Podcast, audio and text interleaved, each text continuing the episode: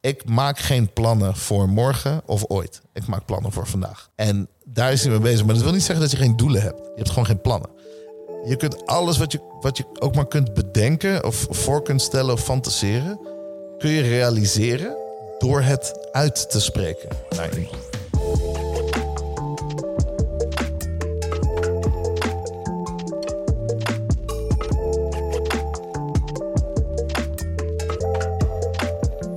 Welkom bij alweer aflevering 9 van Puur de Podcast. En uh, vandaag heb ik een gast die ik uh, ergens een keer in uh, Rimini tegenkwam. En dan gaan we 15 jaar terug, of misschien al iets, nou, zo'n jaar 15 geleden terug zijn. Terwijl ik vooral gefocust was op plezier hebben en wat drinken. En niet echt heel doelgericht op vakantie ging. Zag ik Ron Simpson een uh, ja, graag geziene gast in uh, veel podcasts. Uh, een spreker, succesvol en vooral creatief ondernemer. Alles wat hij aanraakt lijkt in goud te veranderen. en, maar goed, in ieder geval 15 jaar terug heb ik Ron zien lopen. En wij waren vooral aan het uitgaan, Ron ook wel. Maar hij was al bezig met ja, toch het zakelijke stukje. Plezier en zakelijk mengen.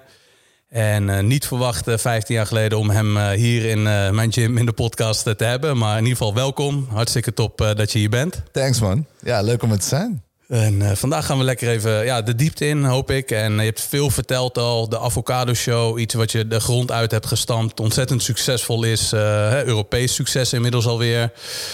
Skybox, dat is iets waar je nu veel mee bezig bent. Ja man. En uh, ik zie de lach al op je gezicht verschijnen. Dat is iets waar je echt heel blij van wordt, hè? Ja, althans, dat heeft even geduurd. Maar dat is nu iets waar ik echt heel erg blij van word. Het was iets waar ik, waar ik van voelde dat het goed was. En nu weet ik dat het goed is. Omdat het klikt. En dat, ja... Creatief gezien is dat altijd weird, toch? Want je, je handelt op gevoel of zo. En zakelijk weet je wat dingen te doen. Creatief weet je wat dingen te doen. Maar het is niet altijd perfect. Dit voelt nu alsof het liedje af is. Het mag nu uitkomen. Dat is mooi. En, en wat, wat maakt dat anders? Wat is uh, Skybox, uh, wat dan jou nu zo blij maakt? Is dat de volgende stap echt geweest? Um, ja, het klinkt heel gek, maar het, niet alles wat ik doe komt uit een wens of een droom of zo. Um, veel dingen wel, maar ook, ook redelijk wat dingen niet. Soms doe ik dingen omdat ze uh, gewoon voorbij komen, of omdat het kan, of omdat allerlei van dat soort dingen. En het is gewoon heel fijn om met een project bezig te zijn dat echt uh, in lijn staat met je ziel. Bedoel? In lijn staat met alles wat je wil zijn, wil worden, wil doen, wil delen. En dat is iets wat Skybox nu is geworden. Het is eigenlijk iets wat uh, het product dat wij in september gaan lanceren, wat een soort personal development membership is. Um, op basis van heel veel uh, kennis en heel veel inspiratie en heel veel entertainment. Dat product, zeg maar, dat we nu hebben bedacht ja, dat is gewoon eigenlijk wie ik ben, maar dan in formatvorm. En dat is, ja, als ik dat de rest van mijn leven mag doen, is top, toch? Ja. Ongekend. Dit is een uh, ja, heel, heel stukje. Als je meerdere uh, podcasts of uh, jou vaker hebt zien spreken, ehm, dan, ja, ik weet niet of mensen goed beseffen hoeveel kennis je hebt gehaald uit boeken, levenservaring, um, die jij weer doorgeeft aan mensen. Dat is echt ja, goud waard. Dat is ongekend. Dankjewel, man. En uh, daarnaast ben je ook nog iemand die dat heel goed kan vertalen. Dus alle boeken die. De, ja, dus eigenlijk een soort ja, school wat je dan gaat aanbieden. Is dat, dat zometeen een soort dat universiteit. wat het is. Dat, ik, ja. ik zocht gewoon een antwoord op de vraag van... hey, um, hoe kan ik aan mijn 24-jarige zelf... Uh, alles doorgeven wat ik weet? Iedereen linken die ik ken... Um, en een soort van al die tips op, op één plek of zo. Snap je een beetje wat ik bedoel? Een soort van, hoe kun je een soort bijna legacy of nalatenschap in elkaar stoppen in één product en zeggen: hey, jij mag ook alles weten wat ik weet. En dat komt eigenlijk bij een hele mooie plek vandaan. Ik, ik spreek best wel wat mensen die zijn er angstig voor. Die zeggen: ja, je moet niet alles delen wat je weet. Je moet niet alles zeggen wat je weet. Ja, wat, wat denk je dat dat is? Dat die angst bij mensen is? Um, ik denk dat dat vooral is. Uh, het idee is dat ze één ding hebben gevonden en dat ze dat moeten bewaken. En dat ze waarschijnlijk denken dat het niet nog een keer kan. Dat het, dat het ze niet gaat lukken om nog zo'n idee te vinden. Of als iemand het afpakt, dan dit of dat. Of, net als vroeger, toch? Zei ze altijd: hey, je moet je, je business idee niet delen, want dan gaat iemand anders het nadoen of zo. Um, en er zit ook wel wat in, maar er zit ook heel veel niet in. Want als je iets niet deelt, kan niemand je helpen. En niemand je die energie geven of die drive die, die je zoekt, zeg maar. Ehm, maar wat ik, ja, wat ik eigenlijk bedoelde is, ik vind het geinig ehm, om te zien hoe veel mensen dus bang zijn om, om alles te delen. En ik was een keer in Chili. En daar was ik voor een DJ-wedstrijd, gek genoeg. En uh, ik zat daar met Jazzy Jeff. Weet je wie Jazzy Jeff is? Van naam. Ik weet ook dat het wat verder terug gaat, maar dat dat... Uh... Ja, Jazzy Jeff is dus toepasselijk de beste vriend van Will Smith. Handig op zijn dag als vandaag. um, en, een, en een soort van hele klassieke, supergoeie DJ. Ik denk dat er maar één van hem is op de wereld nog.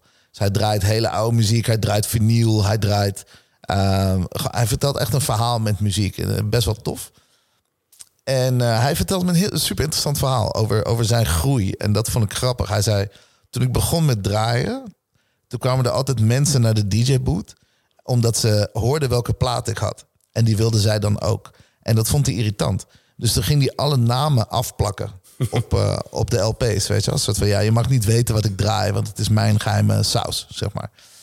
Um, en toen zei hij, later besefte ik ineens dat de mensen die naar de DJ-boot kwamen, precies deden wat ik droomde dat ze zouden doen. Hij zei, ik draai muziek voor andere mensen.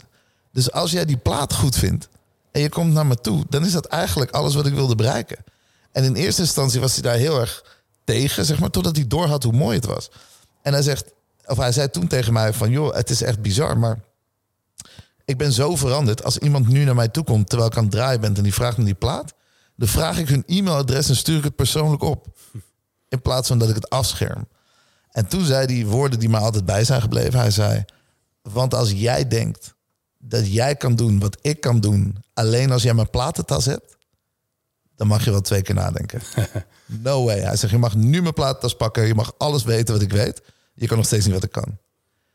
En dat klikte bij mij heel erg. Toen dacht ik: Oh, je hebt helemaal gelijk. Want de ingrediënten zijn gewoon daar. Het is niet dat ik dingen weet die andere mensen niet per se weten of zo. Het is, het is wat je ermee doet. En toen dacht ik, oké, ik vind dat iedereen gelijk... Waar, iedereen mag hetzelfde boek lezen, toch? Iedereen mag dus een podcast luisteren, whatever. Ja. Dus mag ook iedereen weten wie ik ken of weten wat ik weet. Want het gaat erom wat ik ermee doe, hoe ik met inspiratie omga. En jij gaat het op jouw manier doen, ik doe het op mijn manier. Maar let's even the playing ground. Laten we alles wat we vinden delen. Laten we met z'n allen beter worden. En hopelijk komen daar gewoon super vette dingen uit ik zou super trots zijn als iemand naar mij toe komt en zegt: Nou, ik heb een wereldbedrijf gebouwd en dat komt door informatie die jij aan mij hebt gegeven. Informatie die ik dus ook had. Dus ik had het ook kunnen doen, maar I didn't. Snap je? Ja. En iemand anders doet dat wel, dan denk ik: Yes, dat is toch uiteindelijk het doel van het leven. Gewoon delen, elkaar delen, doorgeven en, en er het beste van maken of zo. Zeker. Wordt er weinig gedaan. Hey, bij uh, Skybox is dat dan ook echt wat het bedrijf Skybox anders maakt dan andere uh, mensen die, uh, die ja, management dingen aanbieden. Dat is het dan niet helemaal. het is echt een heel, het is een heel opleidingstraject waarbij je ja, best wel veel aanbiedt om uiteindelijk tot een bepaald succes te komen. Eigenlijk alles wat je, alles wat je kent is ongeveer de deur uit. Dus Skybox ehm, vervult maar één behoefte. En ik ben erachter gekomen, ik als persoon, ik ben non-stop bezig met het verbeteren van mezelf. En ik haat mensen die dat zeggen. dus ook mezelf. Nee, maar ik, weet je, het, ik, ik vind vooral de zwaarte daarvan lelijk. Wat ik vooral bedoel is, ik ben eigenlijk altijd bezig op zoek naar inspiratie, leuke dingen. Ook dat is personal development. Dus het is niet allemaal naar de gym en mindsets opschrijven. Het kan, kunnen kleine dingen zijn. Wat je leest, wat je luistert, wat je checkt. Hoe je omgaat met mensen. Netwerken, naar nieuwe dingen doen één keer per dag. Weet ik veel. Allemaal dat soort kleine dingetjes vind ik interessant. En ik ging gewoon bij mezelf nadenken van waarom is personal development een keuze die je moet maken? En hoe moeilijk is het om iemand een keuze te laten maken überhaupt? Toch? Dus als ik tegen jou zeg, als je alleen al ziet hoeveel mensen educatiebudget krijgen van hun werk en het vervolgens niet gebruiken. Dan moet je al weten, dat zelfs dus als ik het je gratis aanbied, hè, dan heb je nog steeds moeite om het te doen. Dus dat betekent dat een keuze maken moeilijk is voor mensen. Dus als ik zou willen dat jij alles weet wat ik weet, moet ik jou dan bij elke afslag een keuze laten maken? Wil je weten wat ik weet over marketing? Wil je weten wat ik weet over branding? Wil je weten wat ik weet over, weet ik veel, negotiation? Dat is veel te veel werk. Ik wil eigenlijk alles terugdringen naar één keuze. En dat je eigenlijk zegt, Wil je jezelf ontwikkelen? Ja of nee? Is het antwoord ja, dan is mijn taak om het zo makkelijk mogelijk te maken. En Skybox zoomt nu dus uit en zegt eigenlijk: hey, als je kiest voor personal development, dan komen wij met een uh, product dat gewoon meteen een jaar lang werkt. Jij gaat, weet ik veel, vier of vijf uur per maand ga jij aan jezelf werken. En wij zorgen dat dat kan op de tofste manier. Niet saai en stoffig. Nee, je krijgt bij ons inspiratie, entertainment en educatie in één. Soort van tv kijken of Netflixen, maar dan met een doel. Um, en daar gooi ik ook nog netwerk bij. En dan gooi ik alle namen en merken bij die je kent. En alleen maar briljante en beroemde mensen. Zodat het echt aantrekkelijk wordt om beter te worden. Dat is toch wat je wil? Dit is, ja, dit is wel een, heel mooi, uh, mooi concept. Hè? Dat is een van de mooie concepten die je hebt bedacht. Uh, dus als je nu begin 20 bent, wat, wat zou een beetje. De, is, zit er geen leeftijdscategorie aan die je echt wil aanspreken? Want jij richt je wel wat meer op jongeren. Ja, nou, in dit geval doen we ze allebei, gek genoeg. Um, ik kan nog niet alles kwijt, want niet alle deals zijn rond. Maar ik wil eigenlijk twee dingen doen. Um, de eerste is, ik wil professionals helpen. Ik ben iemand die vindt uh, mensen interessant die getalenteerd zijn en goed zijn in wat ze doen. En ik, ik wil dat die verder kunnen komen. Um, dus dat heeft een focusgroep. Dat is ongeveer 25 tot 45. Daar gaat het product op gebaseerd zijn. Um, want dat zijn mensen die vaak bij bedrijven werken of die um, al voorbij hun eerste baantjes zijn en eigenlijk aan hun carrière beginnen. Zo moet je het zien. Dat wil niet zeggen dat het niet jonger kan of ouder, tuurlijk wel. Maar dat is de core groep. En die kunnen we bereiken via gewoon de ZZP'ers en freelancers en LinkedIn publiek, zeg maar. En tegelijkertijd ook via de corporates en MKB's, die dus het beste voor hebben met hun werknemers. Um, die gaan we gewoon aanspreken van, hey, luister, wij, wij willen je niet een soort van pleister geven voor je personeel. Ik wil een echte oplossing bieden. Ik wil dat zij een hele jaar bezig zijn met zichzelf ontwikkelen. Daar worden zij beter van en daar word jij dan ook weer beter van. Dus dat is eigenlijk alleen maar een goed ding. Um, tegelijkertijd heb ik inderdaad echt een soort van binding met de jeugd, de jongere mensen. Bij mij zijn er zoveel deuren opengezet. Ik ben zo vaak geholpen door mensen. Um, en ook echt op een jonge leeftijd. En dat is iets waar ik echt wel bij stil stond. Toen dacht ik, holy shit, we moeten dat doorgeven. Moet, je moet geïnspireerd raken als je jong bent, want dan kan het nog alle kanten op. Dan heb je geen verantwoordelijkheden. Je kunt nog links of rechts. Je kunt nog bij allerlei bedrijven gaan werken, stage lopen, noem maar op. Dus daar moeten we, daar moeten we prikkelen, zeg maar. En toen uh, ben ik met een, uh, um, ja, een, een tech-gigant, een, een mobiele telefoon-gigant gaan zitten. Uh, en heb ik gezegd: Oké, wat nou als we een soort inspiratieschool zouden bouwen? Ook personal development, hè, met alles erop en eraan. Zowel creatief als zakelijk als personal development. Dan bedoel ik bijvoorbeeld leren presenteren of mindset of brain games of whatever. Um, maar ook maatschappelijke dingen. We moeten het hebben over uh, duurzaamheid. En we moeten het hebben over LGBTQ. En we moeten het hebben over um, diversiteit. En, en, al die dingen. Gewoon, maar echt goede gesprekken daarover, weet je wel. Net, dat is net zo belangrijk voor je ontwikkeling als dat je goede marketeers leert of goed leert verkopen of zo. En dan heb je nog de super interessante dingen waar de gemiddelde um, schoolinstituten gewoon te laat mee zijn. Snap je wat ik bedoel? Het is moeilijk ook voor hun om te schakelen. Maar ik wil nu alles weten over NFT's. Ik wil nu alles weten over crypto. Ik wil nu alles weten over Web3. Ik wil nu alles weten over de metaverse. Waar gaan we naartoe? Snap je wat ik bedoel? Het is heel, heel actueel dus. Ja, ik vind dat dat erbij hoort. En we moeten sneller kunnen move. En dat is super interessant. Nou, al die topics bij elkaar. Um, dat kun je natuurlijk op 25 tot 45-jarige leeftijd doen. En dan krijg je masterclasses en keynotes en Q&A's en panels en supergoeie gesprekken waar je echt iets uit leert. Omdat je ook capabel bent om dat te consumeren op die manier. Je bent op zoek naar dat soort content en je wilt beter worden. Ben je jonger, dan weet je waarschijnlijk niet eens dat je daar zin in hebt. Heb je dan echt zin om drie keynotes te kijken van een oude lul zoals ik? Denk het niet. Wat je wel wil, is iemand die briljant of beroemd is, die in gesprek gaat met iemand anders die je tof vindt, waar je iets uit kunt halen. En dat kunnen merken zijn, mensen, bedrijven, whatever, dat maakt niet uit. Dus meer op soort van gesprekvlak. Eigenlijk zoals dit. Toffe dingen waar je naar kunt luisteren, makkelijk te consumeren. Ik hoef niet, voel niet als huiswerk, weet je wel. En toen zeiden we, oké, wat nou als we 16 tot 25 gaan doen? Um, en toen zei ik, is cool, je hebt een deal, maar wat als we het gratis zouden doen? En dat verandert de hele dynamiek van het bedrijf. Wat ik bedoel? Dus hoe doe je dingen gratis? we hebben het hier eigenlijk in het voorgesprek ook over gehad, toch? Zo van, if something's, if the product is free, you are the product, achtig ding. Dus daar moet je dan een soort van model voor gaan verzinnen. En toen zei ik, hey, ik mis scholarships in Nederland. Ik wil eigenlijk een brug slaan tussen zowel mensen als bedrijven eh, met geld en een missie en een visie om die jeugd te inspireren, weet je? Inspire the future. Dat is ook de missie van, uh, van Skybox. Ehm, en toen zei ik van, hoe, hoe we het vorm kunnen geven dat het interessant is voor een bedrijf om aan mee te werken, maar dat ik het dus gratis, of in ieder geval kosteloos, aan een young professional kan geven. Aan iemand met superveel potentie. En dan ook nog eens op schaal. Want ik vind het allemaal leuk, maar een paar honderd mensen, daar, daar word ik niet wild van, zeg maar. Dus toen, uh, en nu zijn we in gesprek om te kijken of we dus een scholarship model kunnen doen voor een inspiratieschool voor young professionals, waar we 100.000, 100.000. Ongekend. Ja, echt 100.000 scholarships voor gaan krijgen. Um, en ja, weet je, daar, daar, daar sta ik voor op in de ochtend. Let's go. Ongekend, dat is mooi. Ja, ik, ik, het, klinkt, het klinkt ook wel wat meer Amerikaans. Een Amerikaanse mindset waarbij echt bekende uh, mensen naar voren gehaald worden en die dan ergens over vertellen. Uh, hè, ik denk dat Nederland misschien op sommige gebieden uh, goed met Amerika mee kan, maar toch ook wel achterloopt. Ja, het is een beetje curatie, weet je. Het is gewoon meer van, gooi gewoon een strik om het internet heen. Er zijn zoveel mensen. Dat is het hele ding. Iedereen checkt mij altijd voor een paar dingen. Eén, waar ze moeten eten. Ja. En twee, wie moet ik volgen? Wie moet ik checken? Wat is inspirerend? Wat is tof? Wie is wat? Whatever. Toen dacht ik, ja, dan moet je dus nog steeds die stap maken om contact met mij op te nemen. Waarom halen we die stap er niet gewoon uit en vertel ik het je gewoon? Dat is mooi, ja. Dat is heel ongekend. Want ja, je kan natuurlijk wel podcast blijven doen. Daar bereik je veel mensen mee.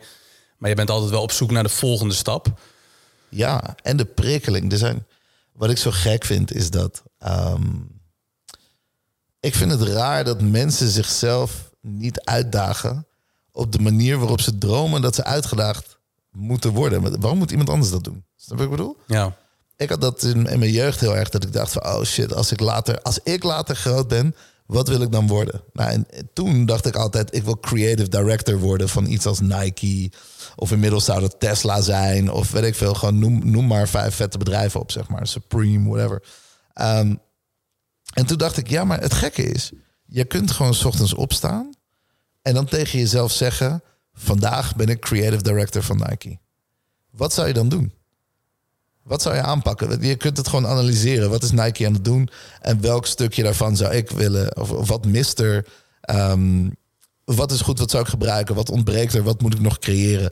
Wat voor boodschap wil ik de wereld in helpen? En waarom? Je kunt dat gewoon een dag doen. Als je vrij bent kun je gewoon zeggen... nou, vandaag ben ik wel creative director. Dromen mensen dan echt veel te klein? Ik denk niet dat ze klein dromen. Ik denk dat ze serieus dromen. Alleen ik denk dat ze um, die soort van dat, dat ravijn, dat gat tussen hun droom en waar ze zijn, dat ze die te groot maken voor zichzelf. Terwijl ik zie het altijd zo: als een persoon met uh, talent kan zingen, hè, je, je neemt een, zanger of zo. Um, die dromen allemaal over één ding, toch? Iedereen wil een wereldhit. Nummer één, grote podia, stadions uitverkopen, weet ik veel wat voor shit. Die stap is groot. Snap je wat ik bedoel? Maar betekent dat dat je niks moet doen? Nee, die gaan hun lievelingsliedjes zingen, toch? Die gaan gewoon covers maken. Die gaan hun lievelingsliedjes zingen. Of dat nou voor anderen is of gewoon onder de douche. Dat maakt niet uit. Die zijn bezig met het beoefenen van hun kunst.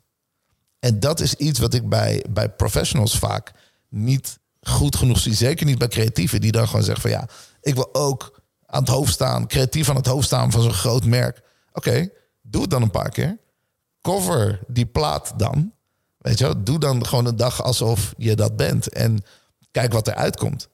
Als iemand een dag kan doen alsof hij Michael Jackson is of Beyoncé, dan kan jij het ook een dag doen alsof je een ondernemer bent. Daar begint het mee. Het begint met beginnen. Ja, maar wat zou jij doen met de Avocado Show? Wat zou jij doen? Weet je, kijk gewoon een, een jong persoon aan, zoals die, die, die mensen die jou hier helpen, jouw team. Wat zou jij doen als je drie gyms had, of vijf gyms, weet ik veel hoeveel je hebt, maar gewoon een, een tof gymmerk hebt, zeg maar. En dat vind ik altijd grappig, soort van. Die vraag durven we onszelf niet te stellen we wachten tot een opportuniteit komt of totdat we het eindelijk gaan doen. Maar ik weet niet, man. Ik heb echt uh, eh, 100 make-believe jobs gehad. Omdat ik gewoon opstond en dacht: vandaag ben ik dit. Kijk of ik dat kan. Zonder stageplek of zonder begeleiding. Gewoon mezelf. En ik vind dat soort prikkelingen heel erg tof. Dat zouden we meer moeten doen. En dat soort dingen wil ik dus ook in Skybox stoppen. Dus ik vind um, iets kan kosteloos zijn. Maar je moet wel, weet je, als het niet waardevol is van beide kanten, dan heeft het geen nut.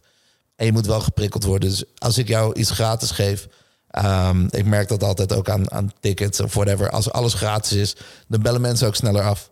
Dus je, moet, je wil wel dat er een soort van binding is ehm, en spanning. En ik zou het heel tof vinden als ik jong was, als ik zou moeten betalen met mijn tijd, met mijn kennis, met mijn expertise, wat eigenlijk goed is voor mij. Dus stel je voor dat, dat een groot bedrijf zou zeggen, nou, schrijf onze marketingcampagne maar eens. Of maak een filmpje met je telefoon, eh, zoals jij de reclame zou zien. Of wat voor persoon zou je fotograferen of whatever. Geef mij input. Trigger jezelf. Zorg dat je echte vragen stelt. En aan de hand van je werk betaal je je tijd. Dat is mooi. Ja. Een hele andere manier om naar dingen te kijken. En prikkelen, man. Gewoon doen. En ehm, je had het eerder over de deuren die voor jou echt volle bak opengezet eh, werden. Ja. Eh, vind ik altijd wel interessant. Hè? Er zijn bepaalde jongeren. Ik heb, ik heb zelf dat ook wel moeilijker gevonden toen ik wat jonger was. Eh, om in te zien is dat deuren gaan niet altijd vanzelf open. Je moet jezelf ook op een bepaalde manier presenteren. Ben je er heel bewust mee bezig geweest om jezelf op een bepaalde manier te presenteren? Ehm, Wa- waarom gingen voor jou die deuren zo makkelijk open? Nou, ik denk eh, sowieso, weet je, een paar open deuren even intrappen. Eh, Brutale hebben de halve wereld, hè? dat is één. Twee, ehm, het is inderdaad hoe je jezelf presenteert. Wat, wat kom je doen? Waarom moet die deur open? Wat zit er achter die deur? Weet je, als jij binnenkomt met het idee van, yo, ik moet echt veel geld verdienen, dus zet even die deur voor me open. Dat gaat niet zo snel. Mensen vinden dat niet interessant. Dus de keyword is mens. Je wilt deuren openen. De sleutel is menselijkheid. Praat met elkaar. Ehm, als iemand weet wat jij probeert te bereiken en het kost die persoon geen moeite om een deur voor jou open te zetten, dan is het een no-brainer. Snap je ik Ja. Maar als ze niet weten waarom ze dingen moeten doen of dat het verwacht wordt of whatever, ehm, dan gaat het niet gebeuren. En ik ging er eigenlijk altijd in zonder verwachtingen dat mensen die deur wilden openen. Ehm, en pas, pas na afloop, echt in hindsight, als je dan ineens al die dingen bij elkaar optelt, dan denk ik, wow, jullie hebben me eigenlijk echt geholpen allemaal. Met iets wat misschien voor hun heel klein leek, maar voor mij groot was. En er is eigenlijk geen uitzondering. Elke baan die ik ooit heb gehad, zat zo'n randje op. Ehm, en dat vond ik gek. Het, had gewoon altijd benefits of, en, of dat nou eh, access, toegang was, of kennis, of begeleiding, of mentorschap, of iets dat boven mijn niveau zat. Of gewoon echt wisselgeld, echte perks, weet je wel, die je dan meekrijgt. Dat kan. Maar een van mijn eerste jobs was, was in een bioscoop. Ehm, ik ben sowieso een groot fan van films. Dus dan kun je en geld verdienen en oneindig popcorn eten. Ehm, en ik kreeg toegang niet alleen tot alle films, maar ook tot de kennis daarachter. Hoe werkt het eigenlijk met films? Hoe lang draait een film in de bioscoop? Waarom is dat zo? Hoe werkt promomateriaal? Allemaal van dat soort dingen. Dat werd, me, werd gewoon uitgelegd omdat iemand vond dat leuk om door te geven aan, aan de jonge generatie. Vond ik tof. Later ehm, in clubs bijvoorbeeld, waar ik dan ging werken of restaurants. In restaurants, op een of andere manier nam de bedrijfsleider, de eigenaar, de chef altijd de tijd om mij echt te laten zien hoe het werkt. Dit is hoe we eten maken, dit is hoe we sfeer maken, dit is hoe we zaken doen, dit is waarom we wel of niet. Van die simpele dingen dat je moet leren dat eh, het weerbericht effect heeft op je zaak. Dat heb ik gewoon geleerd van een barman ergens, weet je wel. Dat, van die simpele eh, exchanges of information of zo. En ik had altijd wel wat te bieden qua kennis en dingen. En mensen vonden het leuk. En dus vertelden ze mij ook dingen. En dat nam ik dan mee. En later, ehm, ik heb in een platenzaak gewerkt. Nou, die man die heeft mij aan alle mensen uit de muziekindustrie voorgesteld. Hij heeft me ook laten zien hoe platen werken, hoe fotografie daarvan werkt, hoe marketing daarvan werkt. Legde me uit hoe opname dingen gingen in studio's. Misschien iets wat ik nooit, voor hetzelfde gehad had ik, had ik het nooit meer gebruikt. Maar die informatie heb ik. Ik weet heel veel over heel veel. Ook dingen die ik niet ga gebruiken. Maar het inspireert me allemaal. En het is allemaal kruisbestuiving. Kennis van het een werkt ook op het ander. En ehm, ik denk dat daar een natuurlijke interesse in zit. En het is geven en nemen. Dus zij, zij wilde mij best alles vertellen over hun kunst. Dat is iets wat zij hadden geleerd. Maar omdat ik zo breed was in mijn kennis, kon ik altijd iets teruggeven. Zonder dat het quid pro quo werd. Het werd gewoon een gesprek. Het was een volwaardig gesprek. Toen ik 16 was, kon ik volwaardig communiceren met iemand van 20 of 22 of 25, whatever, maakt niet uit. Um, en dat, dat probeer ik nu nog steeds te doen. En andersom, dus ook jonger en, en omhoog, weet je wel? zorg gewoon dat je interessant bent en iets, iets te melden hebt. En zorg ook dat je het uit anderen eh, haalt. Op een hele organische manier. En dan gaan er deuren open. Echt oprechte interesse. Dat zorgt er eigenlijk altijd wel voor dat iemand ook geïnteresseerd is om iemand wat te vertellen dan wanneer je, ja, als ik mijn kennis zou delen met iemand die staat om zich heen te kijken of die wil eigenlijk alleen maar weten hoe je geld kan verdienen. Mhm. Dat is al veel minder interessant om diegene dan al je tools eh, te vertellen. Terwijl, ja, dat. Dat is niet een cool goal of zo. En ik, kijk, de sterkste eh, strategie ter wereld is andere mensen laten denken dat het hun idee is, toch? Maar soms werkt dat gewoon echt zo. En niet eens bewust. Soms is het gewoon andere mensen een idee. Misschien heb je het idee al gehad, maar ga je die kaart niet spelen totdat zij het idee zien. Heel simpel voorbeeld is ehm, alle mensen om mij heen die iets kunnen. Ja, die, een, ambacht hebben of een bedrijf. Ehm, en dan mijn bedrijf. En de dingen die wij kunnen. Het is heel simpel. Ik hang met een kapper. Als wij het leuk hebben, als we twintig keer hebben gelachen en we gaan stappen en, het is, en we gaan eten en het is cool en whatever. Op een dag, tuurlijk weet ik dat hij een kapper is. Ik ben ook niet dom. Maar op een dag zegt de kapper gewoon tegen jou: Jezus, zit je haar kut. Moet ik dat niet eens even regelen voor jou? Iets wat je al lang, je weet dat het een kapper is. Je hebt nooit iets aan de kapper gevraagd. Je hebt ook geen, het hoeft ook niet, hè? Um, en dan op een gegeven moment denk je van ja, oké, ik heb al een kapper, die knipt mijn haar op zich wel goed. Maar bij jou heb ik dan, nu kan ik mijn haar laten knippen en kan ik nog meer chillen. Want wij vinden elkaar leuk, aardig, vriendschap, weet je wel. Dus dan is dat ineens interessant. En dat kan ook bij een trainer. Ik krijg genoeg mensen met gyms of trainers die dan zeggen uit zichzelf op een gegeven moment van, hé, maar wanneer kom je een keertje trainen dan? Hetzelfde als dat ik tegen iemand zeg, hey, wanneer kom je een keertje eten dan? Ja. Of kom een keer langs bij Skybox of uh, weet ik veel, spring een keer in een livestream of zo. Het is organisch, vanzelfsprekend. Als je met elkaar omgaat, op een gegeven moment ga je elkaar betrekken bij wat je doet. En dat is ook deuren openzetten. Maar de enige truc en de sleutel is: ga erin zonder agenda. Ga erin zonder bedoelingen, zeg maar. Ik ga met kappers om zonder dat ik vind dat zij mijn haar moeten knippen. Ik ga met trainers om zonder dat ik vind dat zij mij zouden moeten trainen. Ik begrijp heus wel dat er mogelijkheden liggen, maar it's just not important. En als het belangrijk is, dan komt het vanzelf wel. En dan organisch stap je daarin. En ik denk dat dat, zo, dat, dat, dat voel je als er geen drang zit, als het organisch is en niet zo van, oh ja, hij hangt met mij, want ze willen iets. Of ze willen op de gastenlijst, of ze willen een keer eten, of ze willen toegang tot dit of dat. Ik voel dat toch ook. Dus dan voelt een andere persoon voelt dat ook. Dus als je gewoon chill bent en oprecht geïnteresseerd en, en goed met mensen omgaat, dan ontstaan daar vanzelf warme dingen. Hoe, hoe is dat zo uh, ja, dan uh, verstoord geraakt? Dus dat je dan uh, merkt dat veel mensen Ehm, kiezen voor niet echt oprechte, fijne relaties. Dat mensen heel erg gefocust zijn op, op geld of, of ergens wat uit, puur wat uithalen. Van nou, ik ga wel met diegene om, uh, want uh, ja, weet je, er zitten, er zitten wat benefits aan. Het is misschien niet de meest aardige persoon, maar goed, ik kan er wel van leren. Het lijkt erop alsof jij weinig van dat soort relaties hebt die dan ergens niet oké zijn. Dat... Nee, ja, ik heb daar de tijd voor, man. Ik, ik doe niet aan die negativiteit. Er zijn twee dingen die ik heb geleerd. Eén is, Iedereen is een mens. Business to business bestaat niet. Het is altijd human to human. Een mens moet bellen met een ander mens om shit voor elkaar te krijgen. Maar niet uit wat voor bedrijven er omheen kleven. Het is nog steeds dat. Um, en twee is, je mag best wel veel eisend zijn. Ik ben echt veel eisend. Ik geloof dat alles op de wereld rainbows kan zijn. Snap je wat ik bedoel? En unicorns. Dus er zijn uh, kappers die goed kunnen knippen. Er zijn tandartsen die, die goed zijn in hun werk. Maar er zijn dus ook tandartsen die cool zijn. Dit bestaat gewoon. Ik ga woensdag stappen met mijn tandarts. We gaan uit.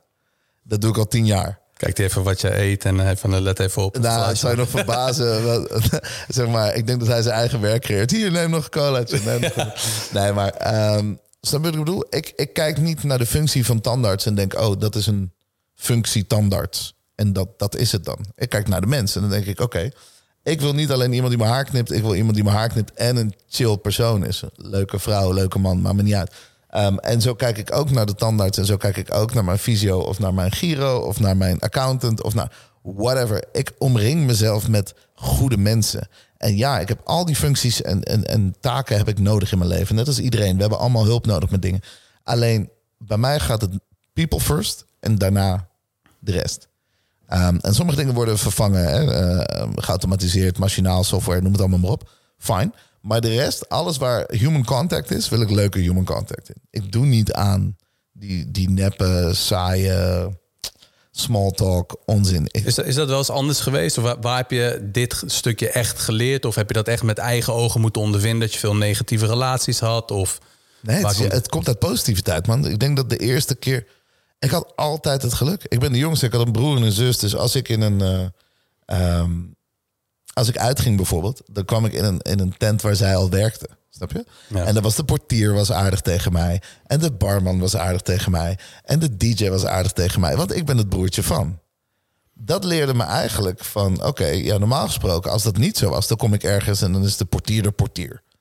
En de DJ is de DJ, die stoor je niet. En de barman is de, weet je wel. Maar ik, ik kwam eigenlijk altijd warm binnen bij mensen, ook al waren ze in functie. En toen dacht ik, oké, maar waarom zou ik ooit nog wat anders doen dan? Waarom zou ik niet aardig zijn tegen mensen? En toen ging ik in de bediening werken ehm, van de horeca. En toen kwam ik erachter, wow, hoeveel effect heeft het als jij gewoon aardig bent? Als je gewoon een complimentje geeft of als je open communiceert, zeg maar. Dat is zo'n wereld van verschil. En dat ging ik ook op andere plekken doen. Dus dat ging ik doen tegen de, de persoon achter de kassa bij de supermarkt. En ik begon aardig te doen tegen de tandartsassistent. En ik, en ik ging aardig doen tegen mijn huisarts. En ik ging aardig doen tegen me. En gewoon vragen, hey, hoe is het eigenlijk met je? En niet alleen maar bellen wanneer je zegt... hey, ehm, accountant, ik heb eh, mijn aangifte, dit en dat. Nee, gewoon eerst een stukje menselijkheid. Hoe gaat het met je? Wat wil je eigenlijk doen? Hoe oud ben je? Waar kom je vandaan? Oh, is het allemaal cool? Zijn we een beetje dezelfde DNA? Yes or no? Antwoord kan ook nee zijn. Hè? Je hoeft niet met iedereen BFF te zijn, maar je kunt wel met iedereen op één lijn zitten. En dat was voor mij heel erg makkelijk. Ik wist gewoon niet beter.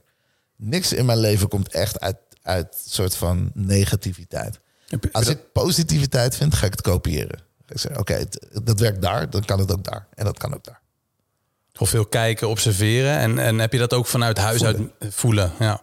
En heb je dat ook echt vanuit huis uit meegekregen? Is wel heel belangrijk, een gezin van drie of, of juist niet? Wat, Het is heel gek. Ik, ehm, ze zeggen altijd dat je op je ouders lijkt, toch? Maar at the end of the day dat je er dan achter komt dat dat zo is of zo. Maar mijn ouders, die lijken soms wel carbon copy opposites van mij. Een soort van letterlijke tegenovergestelde van wie ik ben. Ze zijn niet per se heel erg ondernemend of ehm, mega sociaal, veel uitgaand, of veel eisend. Al die dingen zijn ze helemaal niet.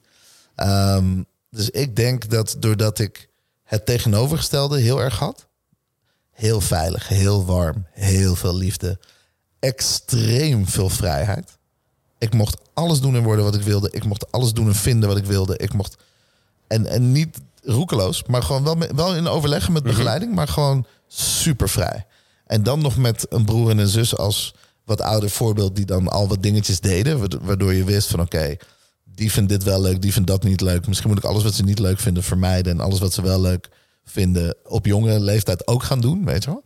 Ehm, dus ik denk, ik denk niet per se dat mijn ouders zijn. Ik denk dat de hele situatie rondom mijn gezin en waar ik ben opgegroeid, ehm, mij heeft gedreven tot wie ik nu ben of zo. Ik heb me nooit echt op mijn plek gevoeld ehm, toen ik heel jong was. Ik, ik was altijd anders. En dat zeggen heel veel mensen en dat begrijp ik ook. Maar het is gewoon een gevoel. Het is, ik kwam natuurlijk uit het buitenland. Ik ben geboren in Tel Aviv. Dus toen ik in Nederland kwam, sprak ik geen Nederlands. Ik ging heel erg veel Amerikaanse en Engelse content kijken. Ik ging heel erg veel om met andere ehm, culturen en, en andere eh, mensen. Ook echt vanaf de basisschool al. Dus voor, voor mij was dat heel erg breed. Maar ik zat in een soort twilight zone. Dus ehm, mijn naam is Ron. Hè? Ik, ik ben gewoon wit. En eh, ik had niet echt een accent. Ik sprak het nog niet zo heel goed, maar binnen no time sprak ik redelijk Nederlands. En toen was het oké. Dus ik, ik ben nooit benadeeld in geen enkele mogelijke vorm. of Zo. Ik ben echt amper ooit gediscrimineerd. Ik, ik heb daar helemaal geen last van gehad. Gelukkig ook maar, want dat wil je niemand. Maar het is best wel weird als je het wel bent, maar niet, maar niet ja, krijgt. snap wat je bedoelt. Ja, ja. Want eh, volgens alle regels was ik gewoon een, een allochtoon en een buitenlander en een dit en een dat en whatever. Maar ik had nul last en al mijn vrienden hadden wel last. Dus dat was weird. Dus daar voelde ik me al een soort van eh, raar. Ehm, en ik was echt extreem creatief en best wel slim voor mijn leeftijd. Waardoor ik ook niet echt kon linken of landen met, met de mensen per se om mij heen. Ehm, omdat, ja, wat doe je op die leeftijd? Dus je kiest een hobby, je gaat voetballen of zo. En whatever. Ik hou niet zo van voetbal. Dus ik zat daar al niet en ik drink geen bier. En ik, alles wat een conventionele echte man doet, hè, zeker in het dorp, dat deed ik niet. Dus dat begrepen ze niet. En ik was alleen maar dingen aan het kijken die zij niet keken. Content die, die zij niet begrepen. Ik sprak liever Engels dan dat ik Nederlands deed. Ik luisterde Engelse muziek. Ik deed allemaal van dat soort dingen. En ik zat dus altijd een paar jaar boven mijn leeftijd. Ook door mijn broer en zus en mijn toegang en whatever. Dus ik ben altijd overal de jongste geweest. ik ging weg uit mijn eigen omgeving om, om mezelf op te trekken aan anderen. Zeg maar, never be the smartest in the room. Niet dat ik dat toen wist of zo. Maar dat is wel wat, wat er gebeurde. Ik dacht van ja, ik voel me niet gelinkt aan, aan jullie dagelijkse gesprekken en problemen en whatever. Ik zoek iemand die wel nadenkt zoals ik. En toen ging ik heel snel van Nieuwegein naar Utrecht. ehm, waar ik dan wel een paar mensen had gevonden. En ook wel in Nieuwegein door een paar, maar niet zo heel veel. En later ja, linkte ik met Amsterdam en toen was het over. Toen wist ik, oké, dus hier is een hele pool aan mensen die denken zoals ik, die voelen zoals ik, die praten zoals ik. Ehm, en ik ging heel jong reizen. Ik was echt vanaf mijn achttiende al de, de planeet af aan het stuiteren. En dat deed ik. Ik werkte gewoon om geld te verdienen. Om, ik moest naar New York en ik moest naar Tokio en ik moest naar Buenos Aires en ik moest naar everywhere. Overal geweest. Ehm, en dat leerde me zoveel dat, dat ja, de afstand tussen mij en de mensen van mijn leeftijd steeds groter werd. Ehm, en op een gegeven moment ja, kom je gewoon waar je hoort. Of zo. Dat was eigenlijk een beetje een hele ja, mooie reis die je hebt gemaakt. Eh, waarbij je eigenlijk ja, eh, jezelf niet anders hebt gemaakt. Je was eigenlijk zonder dat je dat wilde toch iets anders. Hè? Door, ja, eh, ik denk, een, ja, het zal zijn inmiddels ruim 25 jaar geleden, misschien wel 30 jaar geleden dat je op de basisschool zat. Ja, ik ben En- nu 38, dus eh, doe Dus, de math. ja, dus dat is wel een eh, hele tijd geleden, maar dat het ontstaat dan gewoon. En dan leer je eigenlijk al gewoon dealen met de, met de dingen wat op je pad komt elke dag. Ja, het gekke is dus eh, als je terugdenkt aan je jeugd, of überhaupt misschien zelfs nu nog, als je nadenkt over mensen waar je indruk op wil maken. Niet iedereen om jou heen wil je indruk op maken, toch? Who cares? Het is gewoon je leeftijdsgenoot met één zit gewoon bij jou op school, whatever, en de ander zit hier, ja, whatever, gewoon. Maar iemand die, die hoger staat voor je gevoel, hè? ik heb het niet over of dat wel of niet zo is, maar iemand die ouder is of toffe functie heeft of een eh, whatever dan ben je gewoon de beste versie van jezelf. Je gaat je beste beentje voorzetten. Je gaat zorgen dat je er goed uitziet. Je trekt je mooiste kleren aan. Eh, je let op je woorden. Je leest die e-mail vijf keer door voordat je het stuurt. Versus toch de rest. Ja. En ik begon me gewoon heel erg comfortabel te voelen in de beste versie van mezelf. Ik dacht, waarom zou ik ooit niet de beste versie zijn van mezelf? Waarom zou ik niet op deze manier mijzelf altijd willen presenteren, mijzelf willen uiten, kunnen praten op een niveau? Waarom zou ik dat niet willen? Ehm, en daardoor raakte ik ook gewoon verveeld door het niet te doen. Als ik dan op een plek kwam dat average was, gewoon normale gesprek van de dag of whatever, dan dacht ik altijd, oh, ik had nu ook in een kamer kunnen zitten waar, weet ik veel, besproken werd of eh, de vertraging van sterrenlicht hetzelfde is als eh déjà vu. Weet je wel, dit soort gesprekken gebeurden om me heen. Waarschijnlijk waren Ja. ze te veel wiet aan het roken of zo. Maar het was, ik was aangetrokken door alles wat er boven mij zat. Ik dacht, ik wil daar, ik wil de diepte in, weet je wel. En, ehm, en niet per se hangen waar, waar het allemaal normaal is.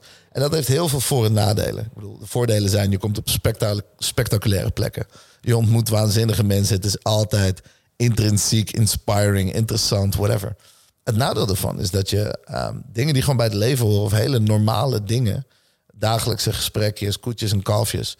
daar heb ik moeite mee. Ik als persoon heb daar letterlijk moeite mee. Ik heb moeite met praten om het praten. Ik heb moeite met Het is lekker weer vandaag. Ja, ja, wat het zonnetje is. schijnt. Ja, kan ik helemaal niks mee. Geen, eh, Echt niks kan ik daarmee. En ik, heb, ik ben gewoon... Nou, ik ben zelf echt moeten trainen daarin.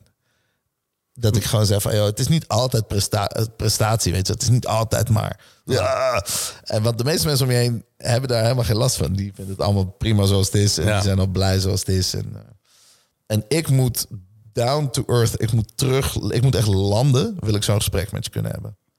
Heb ik niet over die, die drie zinnen van heel lekker weertje. Ja, oké, cool. Daar kom ik nog wel doorheen. Maar gewoon echt ehm, een verjaardag, bijvoorbeeld. dat is een eh, lastig iets voor jou. Vind ik moeilijk. Ja, Vooral als de muziek niet te hard staat. ja nou, je moet ook echt de- praten. De gesprekken en de interesse die je moet tonen over algemene dingen.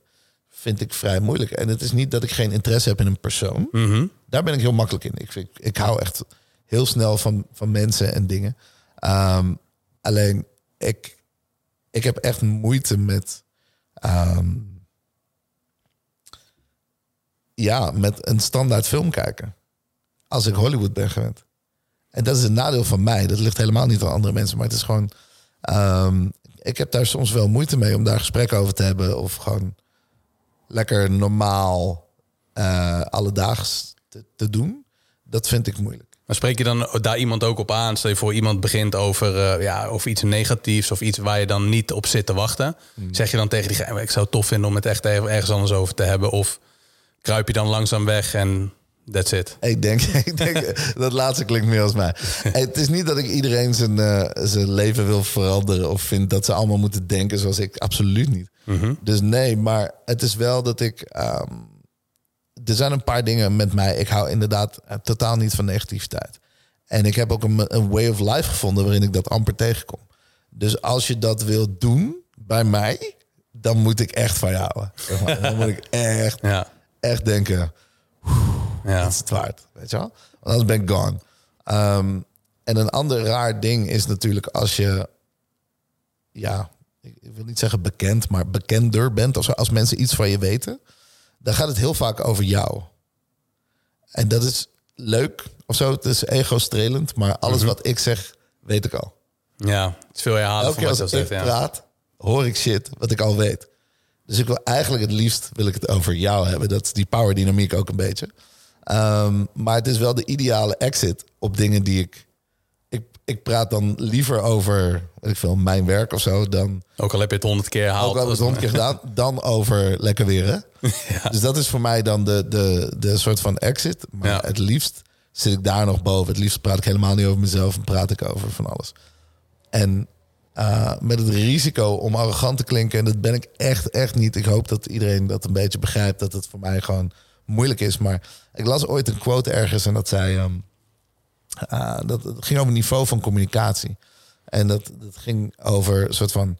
Average minds um, discuss people. Um, other minds discuss events. And brilliant minds discuss ideas. En toen dacht ik, ja, dat is eigenlijk best wel waar. Ik weet niet of, dat, of ik dat direct zou koppelen aan hoe, hoe slim of iets iemand is, maar gewoon meer van. Je hebt heel veel mensen die over mensen praten, omdat dat is waar ze de hele dag mee dealen. Die heeft dit gedaan, die heeft dat gedaan en whatever. Dat heeft voor mij nul toegevoegde waarde. Echt gewoon absoluut niks. Waste of time. Voor mij. Niet voor hun. Voor mij, waste of time. Nou, misschien voor hun ook wel. wellicht, maar als zij er gelukkig van worden, moeten ze dat doen. Maar het is voor mij gewoon, ik heb daar echt helemaal niks aan. Ik vind het niet interessant. Ik vind het niet entertaining en ik leer er niks van. Ehm, dan heb je een soort van het bespreken van events. Weet je wel, wat is er vandaag gebeurd op de wereld? Cool. Daar kun je nog wel wat dingen uithalen. Ehm, maar ook dat zijn gesprekken die natuurlijk door heel veel mensen worden gevoerd, waar je niks aan kan doen. En het bespreken van ideeën, dus dingen die niet bestaan, dingen die jij alleen ziet, een gesprek alleen tussen jou en mij, waar niet niemand van de andere 7 miljard mensen is daarmee bezig, dat, eh, dan heb je me. Snap je wat ik bedoel? Now you got me. En dat is voor een creatief als ik al super interessant. En als ondernemer ook, want dan hebben we iets origineels en dan kunnen we wat gaan doen.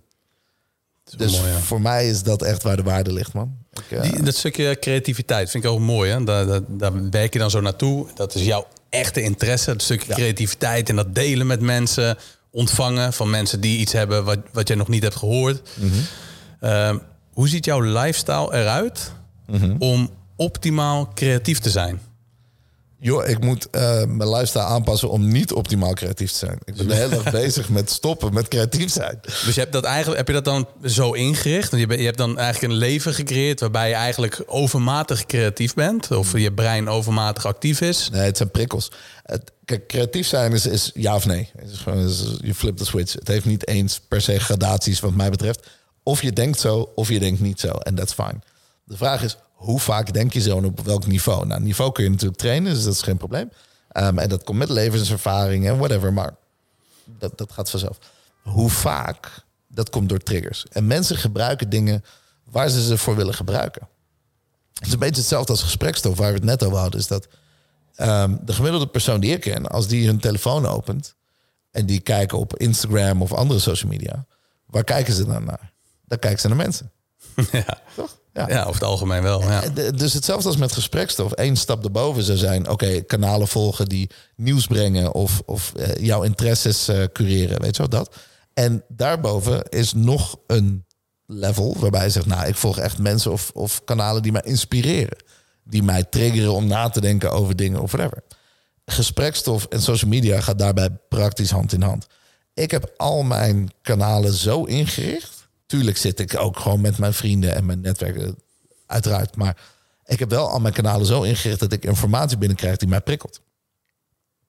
Nieuws van de nieuwste dingen, uh, van design tot mode, tot food, tot wereldnieuws, tot weet ik veel, ondernemers die me boeien, tot noem het eigenlijk allemaal maar op. Waardoor ik elke als jij 60 keer per dag je Instagram opent, kun je kijken naar, uh, weet ik veel, de buurman en iemand in een bikini als ik 60 keer mijn Instagram open, dan wil ik dat niet. Dan wil ik liever net die zin lezen die mij pakt. Of net even een idee dat ik denk, wow, hier, even, dit sla ik op. Ik sla echt 20 dingen per dag op. Dit moet ik nog checken. Ja. Super vet, super, dit deel ik, dit, whatever. En daarin kun je dan merken van hoe is je gedrag online. Weet je, mijn gedrag is opslaan, delen en geïnspireerd raken. Dat is wat ik wil worden daar. Omdat ik dat andere spel al heb gespeeld. Ehm, en daar komen ook heel veel triggers vandaan.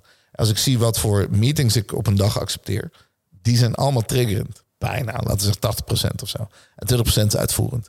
Um, dus ik, ik ben daar helemaal op ingericht. En ik heb mijzelf een soort van way of working aangeleerd. Van oké, hoe moet ik denken? Hoe moet ik presenteren? Hoe moet ik notuleren? Hoe moet ik het opschrijven? En hoe maak ik een, prik, een prikkel wordt een idee. En die idee wordt een concept. En een concept moet een plan worden, zeg maar. Hoe dat werkt, daar heb ik voor in ieder geval mijzelf de perfecte way of working van gemaakt. Het heeft jaren geduurd.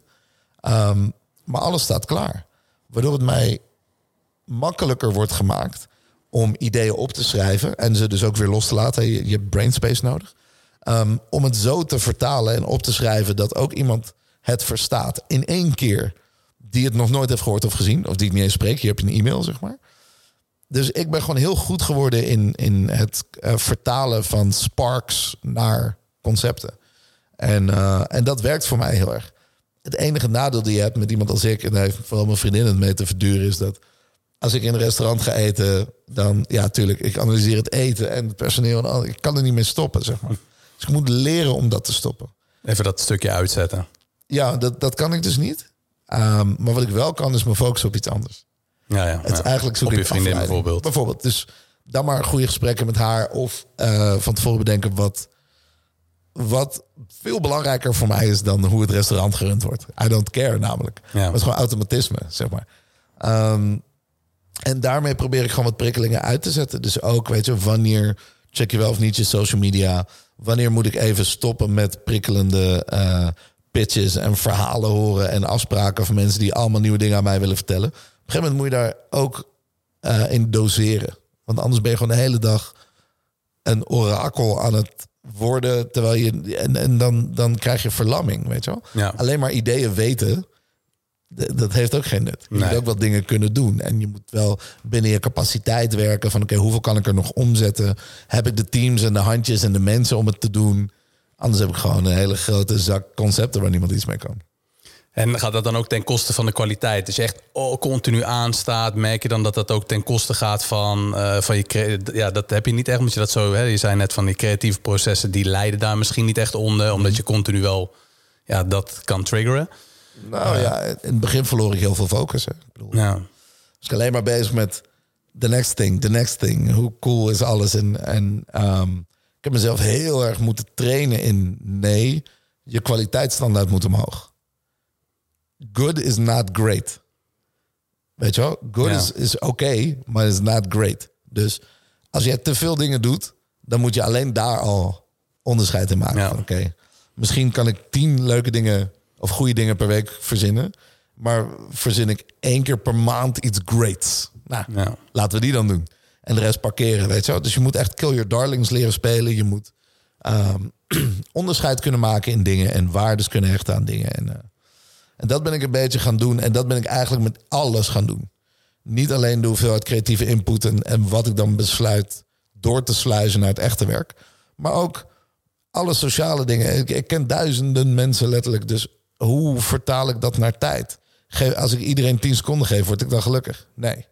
Ik wil ook echte relaties. Ik wil ook echte vriendschap. Ik wil ook diepgang in, in hoe ik met mensen omga en hoe ze met mij omgaan. Dus daar moet je ook Kill Your Darlings gaan spelen. En dat is kut. Want mensen die goed zijn, en goed bedoel ik meer in vriendschap en lief en leuke mensen, weet je wel.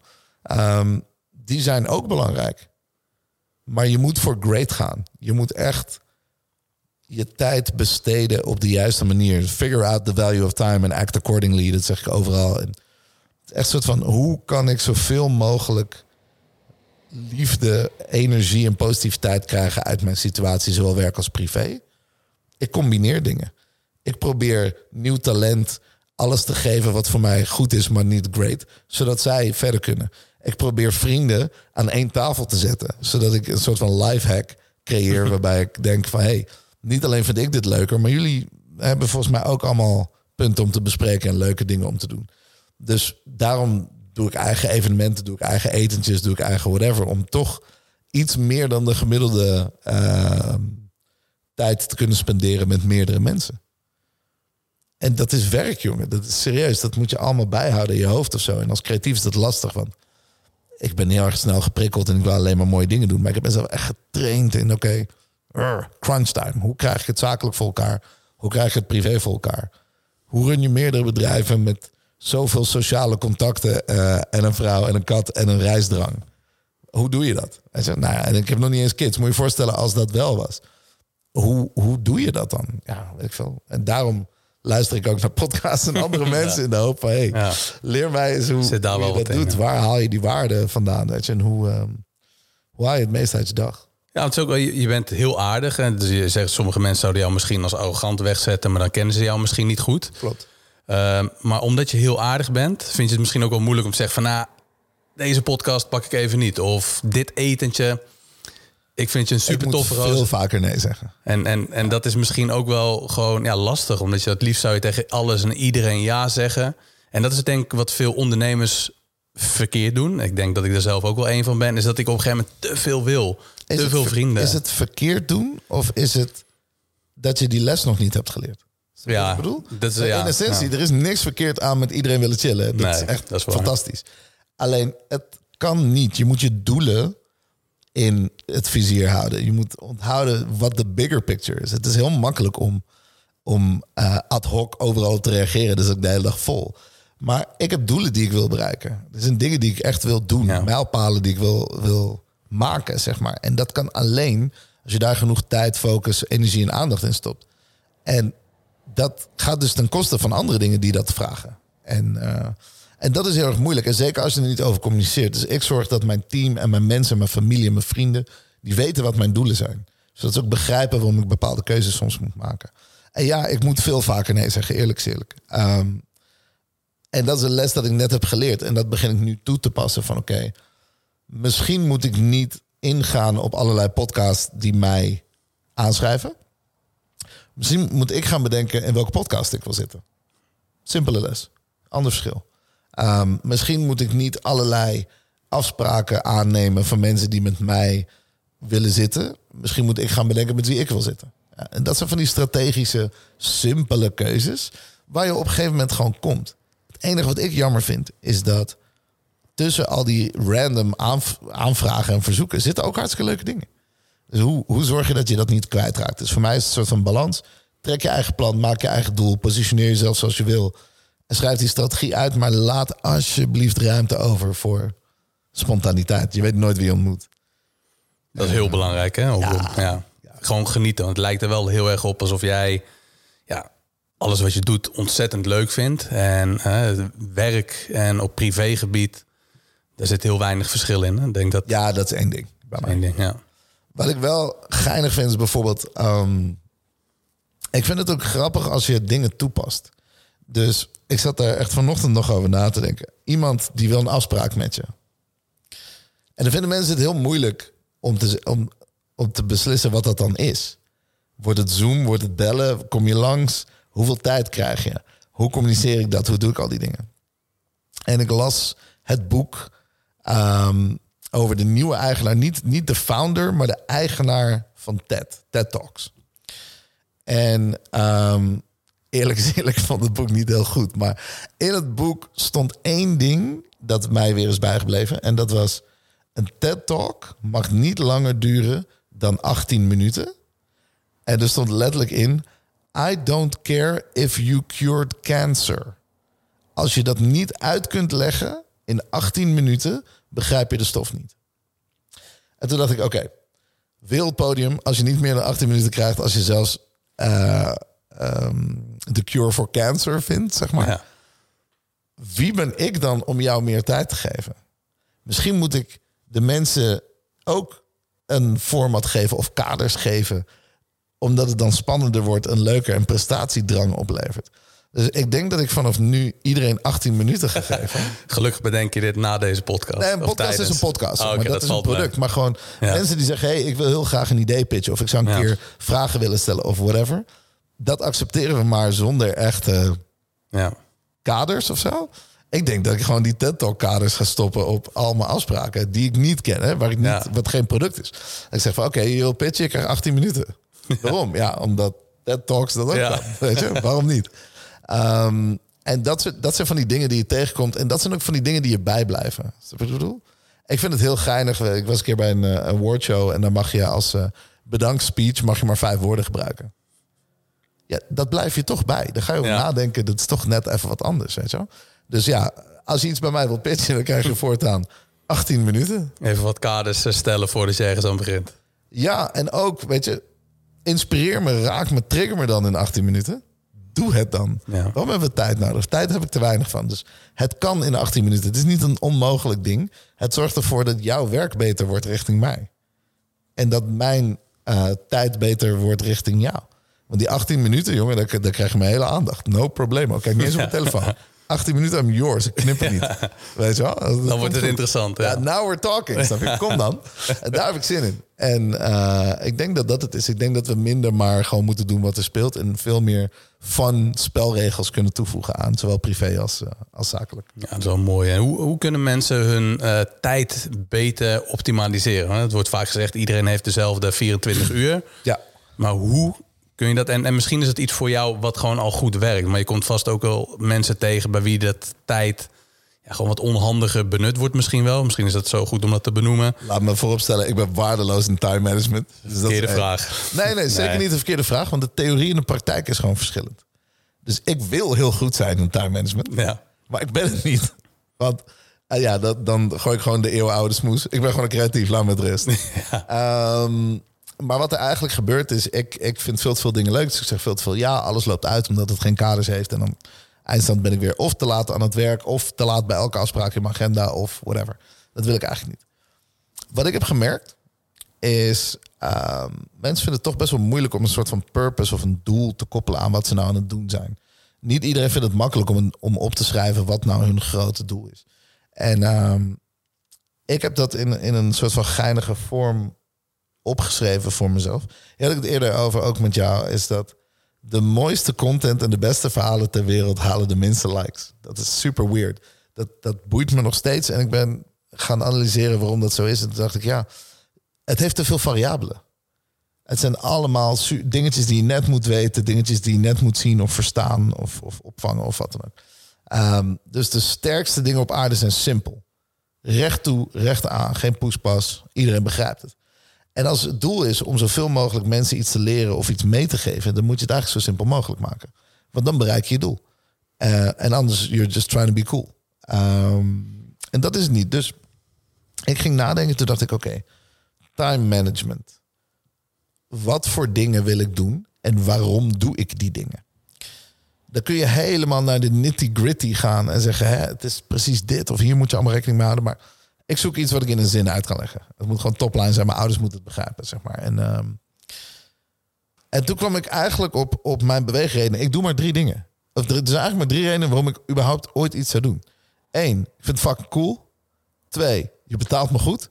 Of drie, I care. Ik geef er echt om. Ehm, En dat kan op meerdere manieren zijn. Het kan, het kan raar persoonlijk zijn eh, qua care. Hè? Gewoon iets waar je echt passie voor hebt of, of waar je om geeft. Of geldt het wel heel erg voor jou als, jou, uh, als er iets met een familielid of een vriend gebeurt. Dat heeft gewoon voorrang. Dat is belangrijk voor jou. Maar self-care is daar ook onderdeel van. Weet je? Ik wil gezonder zijn of ik wil beter slapen. Dan moet ik ook dingen doen. Um, en die drie dingen in een driehoek, cool, cash, care, daar begon het ooit mee. Ik schreef gewoon een driehoekje op. Oké, okay, één van deze drie, liefst alle drie. Als je, als, als je mij iets cools laat doen waar ik voor betaald word, waar ik ook nog eens om geef, ja, dan, dan kom ik nooit meer thuis. Dan, ga ik niet meer slapen. That's it. Goeie Dan ga ik dat gewoon doen. um, maar omdat ik zoveel dingen tegelijkertijd probeer te doen en werk en privé ook een beetje gekruist is, moet alles voldoen een beetje aan dat model. Van doe ik wel dingen die ik cool genoeg vind, want daar haal ik voldoening uit. vind ik het wel leuk waar we naartoe reizen, wat we eten, wat we doen. It needs to be cool and exciting, weet je wel. Um, werktechnisch is het gewoon heel erg makkelijk. Uh, en cash is niet echt per se het goede woord, omdat het heel erg op geld hangt. Maar het gaat mij meer om waarde. Haal ik daar waarde uit op een bepaalde manier? Dan is dat belangrijk. En soms is het wel gewoon plat cash hoor. Ik bedoel, we hebben allemaal geld nodig om te overleven. En je hebt vooral heel veel geld nodig om coole dingen te doen. Coole dingen kosten geld. Uh, cash maakt geld, zeg maar. En daar zit die balans in. En die care, dat moet dan meer dan genoeg worden. Alleen als je dan nog verder uitzoomt, dat is iets, dat vind ik ook zo mooi. Heel veel van die ideeën die bespreek je steeds vaker en dan, dan, dan krijg je nieuwe prikkels. Toen dacht ik ineens, ja, als ik het op volgorde moest zetten, stel het was geen driehoek, maar een tijdlijn. Fuck, wat doe je dan? Is het dan ook cool, cash, care? Of is het dan cash, cool, care? Of is het cash, care, cool? Hoe werkt dat eigenlijk allemaal? En toen dacht ik van ja, als ik naar mijn levensfases kijk, nou heb ik eentje al voorbij, dus ja, dat is gewoon wat het is. Ik heb mijn hele jeugd cool gekozen. 100% gestrekt been, zeg maar echt. Maar alles gaan doen wat ik cool vind. Ik ben met iedereen gehangen die ik cool vind. Ik ben in elk land geweest wat ik tof vind. Ik heb alles gedaan. Alles wat ik wilde doen, het was al cool. Er zijn mensen veel rijker dan ik. Er zijn mensen uh, met veel meer voldoening dan ik. Omdat ze, weet ik veel, hebben gedaan waar ze echt om geven. Maar wat één ding wat ze niet van mij af kunnen pakken is... I had one hell of a jeugd. Dat is echt fantastisch. Um, en dat, dat is inclusief mijn young professional periode, zeg maar. Voor mij is nu eigenlijk de tijd aangekomen, als ik zo op volgorde moet zetten, nu moet ik cash gaan maken. Nu moet ik zekerheid regelen. Dus nu uh, zijn we ondernemers, zijn we wat groter. We maken deals die er te doen. De bedragen zijn net even wat anders. Um, de doelen ook. En, en de teams zijn groter, noem het allemaal maar op. Dus let it be known. Dingen moeten nog steeds cool zijn. Maar als het nu geen cash oplevert, komen we in problemen. Hè? Dus het is best wel cash-driven uh, ding. En straks, hopelijk, heb ik dan alles ooit gedaan wat ik cool vond. Um, heb ik genoeg geld verdiend om, om de zekerheid te hebben van alles wat ik wil doen. En, hè? en kan ik me gewoon helemaal focussen op care. Alleen nog maar dingen doen waar ik om geef. En nu klinkt het alsof het echt helemaal los van elkaar is. Maar alles moet altijd cool zijn en uh, preferably care about everything. Maar gewoon, ik heb het over de main focus. De reden dat je opstaat. Ik wilde gewoon de tofste dingen doen toen ik jonger was. Cool. Nu wil ik gewoon dingen doen die succesvol zijn en echt iets bouwen waar ik en anderen wat aan hebben. Cool. En daarna wil ik alleen nog maar doen wat ik belangrijk vind. Dat lijkt mij een prima levensfase oplossing. Dus voor mij is het. Wat is voor jou? Wat, welk volgorde zou jij doen? Zou je cool cash care of andersom? Ik, ik vind het wel heel mooi. Ik heb mezelf anders ingedeeld. Ik heb, uh, even kijken, uh, zakelijk heb ik altijd een stukje, daar heb ik me heel lang in verdiept. Ja. Um, maar dat, dat zou dan, ja, ja, dat is dan eigenlijk de cash, hè, als je hem zo ziet. Um, op persoonlijk vlak ben ik altijd wel bezig geweest. Vind ik ook een hele belangrijke. En uh, dan heb je nog op het gebied van relaties. Ik ben heel lang of eigenlijk misschien wel te lang te gefocust geweest op een zakelijk succes.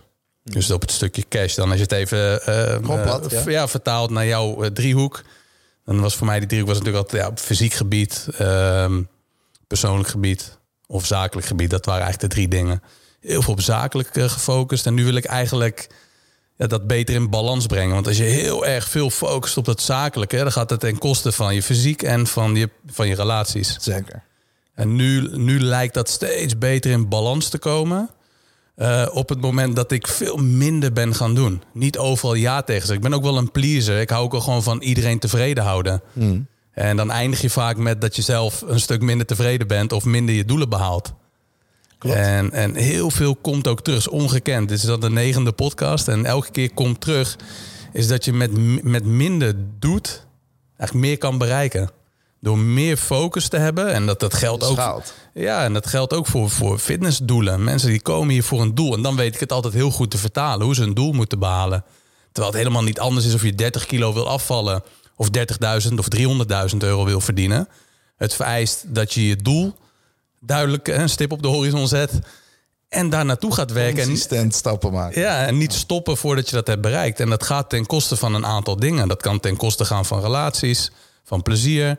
Maar dan ga je het behalen. En ik denk dat soms die vertaalslag in dat dat op heel veel gebieden in het leven, wat jij zegt ook, dat dat heel mooi te, ja, te vertalen is naar wat je aan het doen bent. En die balans vinden. Dat is denk ik het vooral het belangrijkste. Nou voor jou zijn het de drie C's van eh, ja, cool, care of cash. In, niet in die volgorde precies, maar die volgorde bepaal je. En elke fase van je leven krijgt weer een ander punt aandacht. En het mooiste is als je het in balans hebt. Maar het is eigenlijk nooit in balans. Nee, maar niks is in balans. Everything is een, soort eh, werkend, levend document. En dat is dus de truc. Um, en dat is ook waarom ik een driehoek heb gepakt. Omdat je dan... Ik kan stippen plaatsen in die driehoek. En dan kan zeggen, oké, alles wat ik doe, stop ik daarin. Ehm, waarom, hoe ziet mijn week eruit? En ik kan gewoon letterlijk in drie kleurtjes kan ik dat van invullen. En dan kan ik gewoon zien, is mijn driehoek in balans? Of ben ik alleen maar coole shit aan het doen en vergeet ik geld te verdienen? Ben ik alleen maar geld aan het verdienen? Ben ik, doe ik eigenlijk niks waar ik om geef? Allemaal van dat soort dingen. En dat is oké, weet je.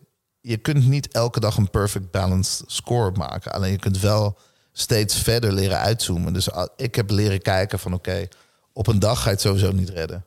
Op een dag in balans komen. Dat lukt niet. De ene dag doe ik iets cools, de andere dag doe ik iets cash, whatever. Als ik dan een week, ehm, als ik dan een week bekijk, is het dan al beter in balans. En misschien kan je dan nog steeds een, een eh, scheef beeld krijgen van dingen. Oké, kijk dan eens per maand. Kijk dan eens per jaar. En probeer steeds verder uit te zoomen. En dan kom je er eigenlijk achter van... oh, oké, ik mag dus best wel periodes hebben waarin ik dingen doe. Maar op, op welke tijdlijn check ik balans? Als ik balans zou checken zoals de gemiddelde persoon zijn crypto checkt... dan word ik gek. Dat slaat helemaal nergens op. Snap je wat ik bedoel? De balans kun je niet checken om, de, om het uur. Het is eigenlijk gewoon een beetje bijsturen. Het is een tanker die je doet. Van oké, hey, ik merk dat we nu iets te veel dit doen. We moeten een klein beetje bijsturen om, om terug in balans te komen. Het is niet radicale verandering of zo. Als dat zo is, dan praten we niet over balans. Dan praten we over disbalans. En, en dat is een beetje de truc. Dus ik vind het heel erg interessant. Mensen die zich ook eh, voelen van... Hè, ik, ik, doe niet het, ik ben niet lekker bezig. Ik doe niet wat ik zou willen doen of whatever. Die zitten heel vaak hier. Maar als je heel eventjes uitzoomt... letterlijk van een dag naar een week naar een maand, een half jaar... of, of een kwartaal of een jaar, whatever, wat, wat je goed voelt... dan zul je ineens zien van... hey, op welke schaal kan ik mijn controle terugkrijgen over die balans? Want in heel veel werk of in heel veel privé dingen kun je niet dingen dezelfde dag veranderen. Als jij nieuwe klussen wil of je wil andere dingen doen, gaat tijd overheen. Gun jezelf ook die tijd en zeg van hé, hey, als ik over drie maanden maar hier ben en dan over, weet je, en zo kan ik in balans proberen te blijven. En één ding is zeker, uh, of eigenlijk zijn drie dingen zeker. Je gaat dood, je moet belasting betalen en je zult nooit elke dag in balans zijn. Dus dat de wereld zal altijd jou proberen om te duwen. Door opportuniteit, door leuke dingen, door spontaniteit, whatever. Uh, ga je gewoon een bepaalde kant op. En het is aan jou om terug te sturen wanneer je wil. Maar ga het niet per dag doen. Dat werkt niet. Is het zo dat, dat we te veel bezig zijn uh, hè, met uh, continu in de toekomst leven? Van over twee jaar moet ik dit bereikt hebben. Over drie jaar wil ik kinderen. Of over een jaar, op die leeftijd wil ik dit. Terwijl je dan echt vergeet om vandaag te leven. Um, ik denk dat dat precies is waar, waar we het hebben over disbalans. Voor mij, en ik ben echt raar hierin, dat weet ik omdat ik marktonderzoek heb gedaan bij al mijn vrienden. Ik ben nooit bezig geweest met, met leeftijden. Je hoort heel veel verschillende dingen, toch? Mensen willen voor een bepaalde tijd een bepaald bedrag hebben. Ik wil miljonair worden voor mijn, weet ik veel wat. Of ik wil kids voor op die leeftijd of whatever. Jij bepaalt helemaal niks, vriend, over wat je doet op welke leeftijd.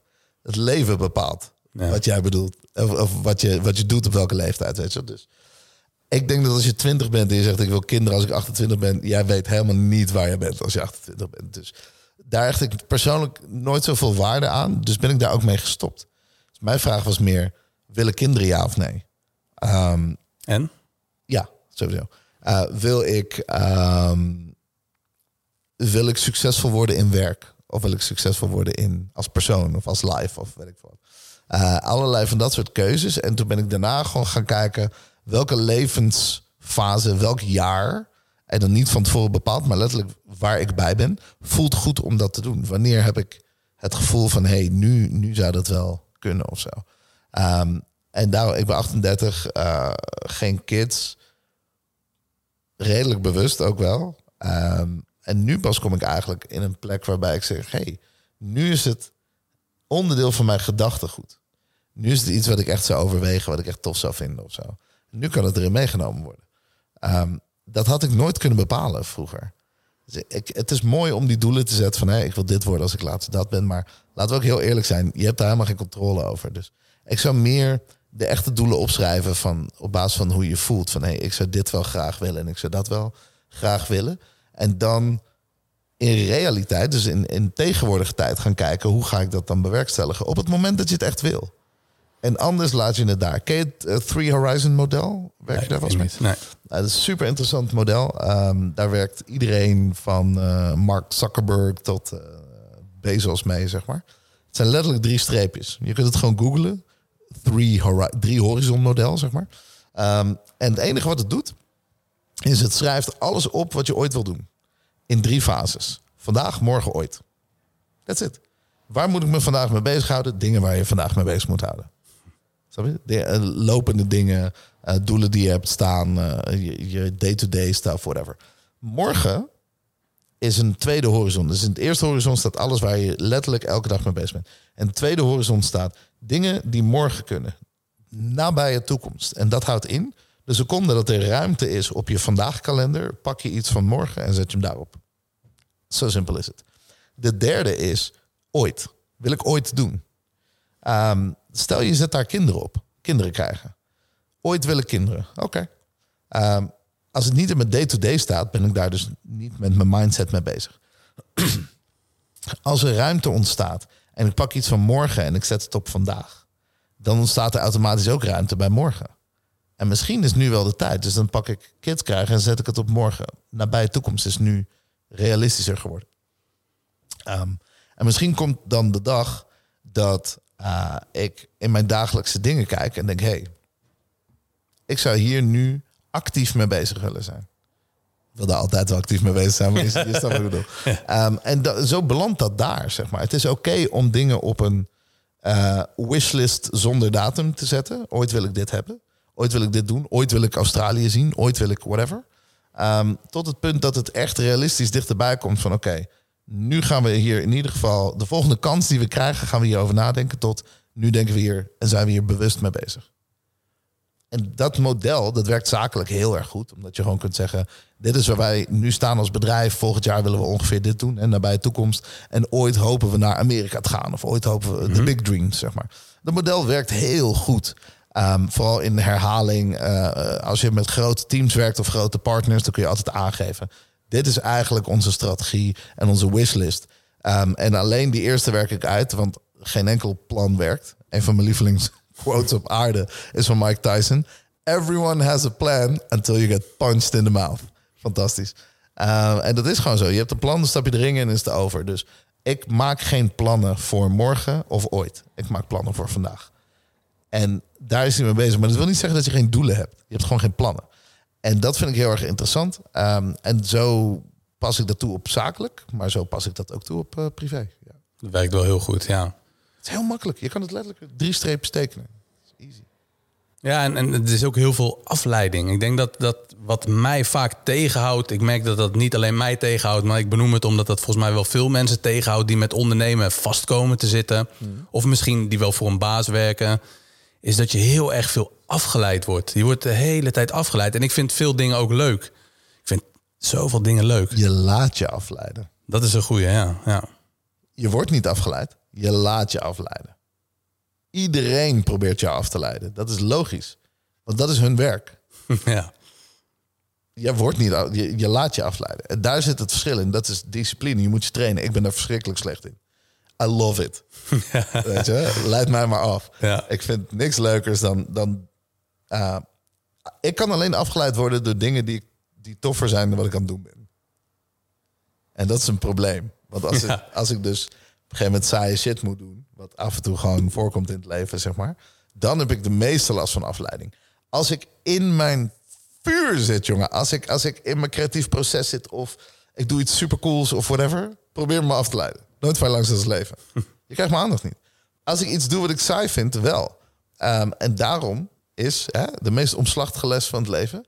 probeer zo min mogelijk saaie shit te doen... of besteed dat allemaal uit... Want dan kan je ook niet afgeleid worden. Als je alleen maar doet Ja. waar je supergoed in bent en een tof shit, dan heb je daar geen last van. Dat is wel goed. Ja, het is, het is, dat is wel mooi, want daar ga je wat dieper op in. En dat vind ik ook zo mooi aan jou. Je weet heel veel lessen en heel veel boeken zo simpel te vertalen. En dat wil niet zeggen dat het simpel is, maar je bent daar heel goed in. En wat je zegt ook, dat, dat stukje van, ja, weet je, je laat je afleiden. Denk, oké, die komt binnen. Maar dan het stukje ook inderdaad, zorg dat je ook jezelf blijft uitdagen. Zodat je niet afgeleid wordt. Ja, kijk, ik, ik zeg het heel eerlijk, het is niet zozeer ehm, het vertalen van, van, van boeken naar quotables of zo. Ik denk dat je gewoon dingen voelt. En wat ik echt heel belangrijk vind, is mensen gebruiken, en dat bedoel ik respectvol, mensen gebruiken het woord simpel verkeerd. Het is wel simpel. Het is fucking simpel. Het is gewoon niet makkelijk. Wij zijn als mens gewoon heel moeilijk of wij maken dingen het moeilijk. tegenovergestelde van simpel is complex. Niet moeilijk. Complex. Meerderlaags ingewikkeld. Ja. Simpel is eenvoudig. En, en eh, eenvoudig is niet makkelijk.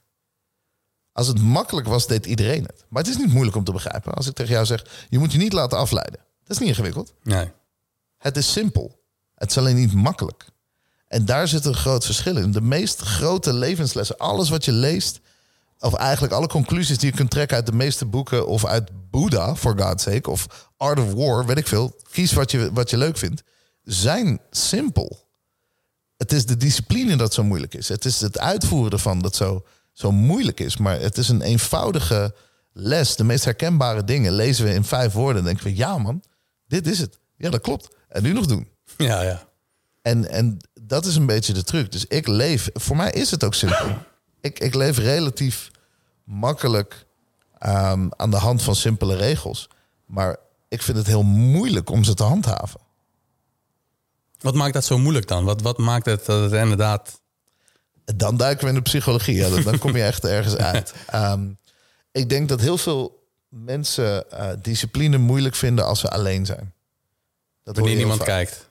Eh, Ja, wanneer niemand kijkt, maar ook gewoon je wil een sparringspartner of een stok achter de deur. Of ehm, het, het voordeel van werken voor een leidinggevende is dat je moet opleveren. Je weet wanneer. Je bent, als het goed is, op zoek om, om indruk te maken. En wat we zeiden ook toen ik, toen ik jonger was. Ik ga naar iemand toe, dat is dan niet per se mijn leidinggevende, maar dan wil ik presteren. En dat, dat. Als degene waar, voor wie je moet presteren jezelf is, dan kun je het heel makkelijk uitstellen. Zeker voor ondernemers, het is ingewikkeld. Ehm, dus de seconde dat je dan iets moet doen voor je partner of voor je kind of voor je, weet ik veel, voor je vrouw eh, of vent trouwens, lang leven de lol, Ehm, dan, dan merk je dat je daar anders in staat of zo. Dat er dan wel discipline komt van, oh ja, voor mijn vrouw wil ik wel het beste doen. Voor mezelf niet, maar Ja. voor, weet je wel. Dus de, er zit iets in het moeten verantwoorden aan een ander of zo. En dat, eh, als je dat niet hebt, dat, ja, dan, dan merk je dat wel. Wat we ook heel erg moeilijk vinden is routine eh, of belang. En we, we kunnen elkaar natuurlijk ook heel snel... Heel veel mensen eh, compenseren. Dus compensatiegedrag. Ik heb daar heel erg veel last van. Ik werk super hard en super veel. Dus ik mag eten wat ik wil. Goed voorbeeld. Nou ja, dat is leuk. Tenzij dat elke dag je gedachtegang is. snap je? Ik werk elke dag heel veel. En ik heb de mogelijkheid om elke dag heel lekker te eten. That's an issue. Dat is gewoon pure discipline. Eigenlijk zou ik moeten zeggen: ik heb echt hard gewerkt. Ik moet echt self-care gaan tonen. En ik moet water drinken, goed slapen en bewegen. Dat is wat ik moet. Niet fucking hamburgers eten of iets anders doen, zeg maar Ja. compensatiegedrag. Maar again, weet je, dat is, dat is eh, psychologie. Het is niet dat ik het niet weet. Ik snap het ook wel. Ik snap het wel. Het is simpel. Maar niet makkelijk. Het is geen prioriteit voor jou op dit moment. Ehm, het, het is niet het probleem dat ik op probeer te lossen. Snap je wat ik bedoel? Het lijkt het probleem dat ik op probeer te lossen. Maar wat ik eigenlijk op wil lossen is balans. Ik ben uit balans in de zin van ik werk te lang of te veel. Uh, ik, eh, daardoor compenseer ik. Ik probeer werk te compenseren met plezier. Um, waardoor ik van allebei te veel doe. In plaats van allebei minder. Ja. Snap je hoe simpel het kan zijn? Maar niet makkelijk. Dus dat zijn een beetje de dingen. En ik denk dat we daar allemaal wel, wel tegen vechten. En de een ja, die eet veel. En de ander die doet te weinig. Of uh, kan de discipline of motivatie niet vinden voor dingen. Whatever. Alles heeft zijn eigen oplossing. Alles heeft zijn eigen oplossing. En ik denk dat je op een gegeven moment sowieso tegen de muur knalt. En dat is een good thing. Hè? Je kunt in elke mogelijke. Je kunt ook positief tegen de muur knallen. Dat is ook oké. Alleen. Ik denk dat je op een gegeven moment zo niet, niet blij bent met. of zo niet lekker in je vel zit of zo. Dat je dan genoeg hebt gehad. En dan, dan toon je ineens wel de discipline die je nodig hebt. Ehm, of in elke andere mogelijke vorm. Uh, kijk maar naar mensen die financieel um, ineens tegen de muur lopen of in het nauw komen. Hoeveel ze dan ineens kunnen presteren. Nou, dat is wel mooi. Hè? Dat is eigenlijk een, uh, een, een, stukje waarbij mensen in beweging komen als de situatie verergert. Ja, ja dat is de negatieve versie. Maar er is ook een hele positieve versie. Ik weet namelijk dat ik ooit um, was ik gevraagd om uh, in New York, of weet je, zeker toen was dat de stad van mijn dromen, voor Sensation. Nou, dat was natuurlijk het grootste evenement uh, ooit ongeveer uit, uit de Nederlandse nightlife. Um, mocht ik daar ook nog eens um, backstage presenteren. En dat zou op MTV komen en dat zou met een Amerikaanse presentator zijn en allemaal super vet. Probleem was, letterlijk, ze vonden me te dik, classic. Uh, en ik had tien dagen. Het was over tien dagen. Wauw. Oké, wat ga je dan doen? Even daar gelaten of het gezond is of niet. maar je kunt natuurlijk sportvasten en allemaal hele heftige dingen doen om in een korte periode super veel resultaat te bereiken. Om in ieder geval iets te kunnen doen. Dat is niet een duurzame manier van trainen. dat laat ik lekker eh, aan jou over. Maar um, ik kon mezelf schijnbaar niet bewegen om elke week uh, een paar keer naar de gym te gaan. Ik kon mezelf wel ineens bewegen om tien dagen niet te eten en wel tien dagen te pompen gewoon. Uh, omdat ik dan een doel heb. En zo simpel is dat. Zoek gewoon iets waardoor je het wel interessant vindt om te doen. Waardoor je wel die discipline vindt of de drive vindt om iets te doen. Om dat uit te zetten. Dus iets dat krachtig. Ik ben op zoek naar iets dat krachtiger is voor mij dan um, compenseren van hard werk met plezier. Ik moet iets vinden dat meer waard is dan dat. Een doel dat hoger is dan dat. Nou, dat kan persoonlijke gezondheid zijn. Dat kan zijn uh, um, omdat je dat wilt doen voor jezelf of voor, weet ik veel. Misschien heb je straks wel een grote shoot.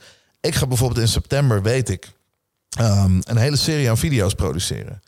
En ondanks dat ik best oké in mijn vel zit, denk ik, ja, ik zou dan wel een beter voorbeeld willen zijn voor mezelf en anderen. Ik zou mm -hmm. dan heel erg lekker in mijn vel willen zitten. Dus ik merk dat het nu al mij begint te triggeren van hey, uh, in plaats van dat hij op Horizon 2 of 3, hè, ooit ga ik weer trainen of morgen ga ik trainen, ja. begint hij nu naar vandaag te komen. Naar vandaag te kruipen en te zeggen hey, nou, let's go. Um, en dat is organisch gegaan. Ik heb gewoon, ik, ik heb iets nodig, een trigger, dat ik zeg, ah, nu is het tijd.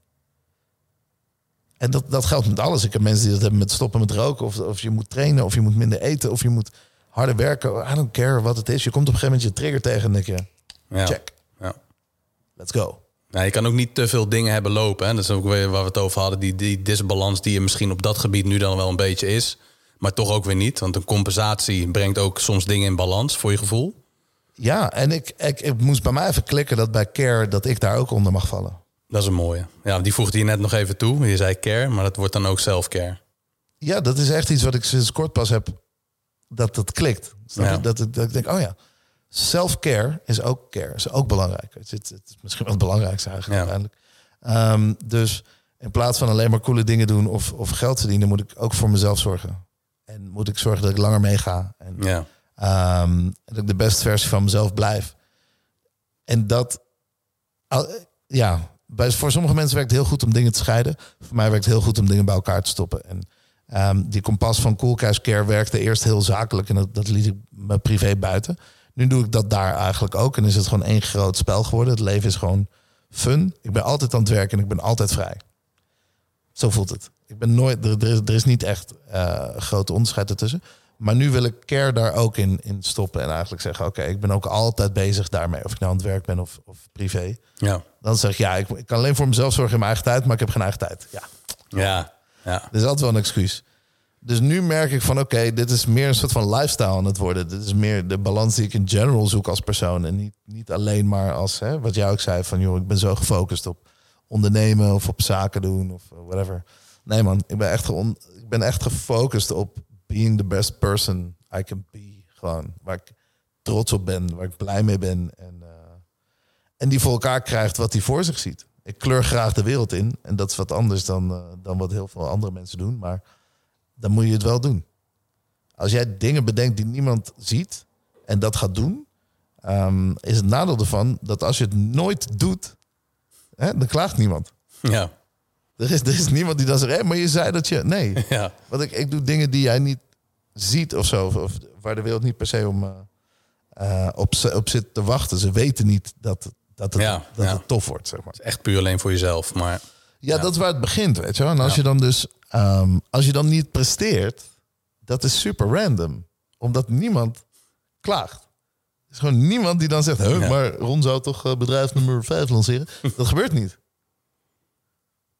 Het is heel raar om... speelt zich allemaal af in je hoofd. En is het dan ook goed om dan juist met mensen te bespreken van... Hey, ik heb dit doel, hey, ik heb dit doel. En dan is het in één keer hard benoemd. En dan heb je misschien wel zoiets van... ja, maar nu heb ik het gezegd, nu wil ik het doen ook.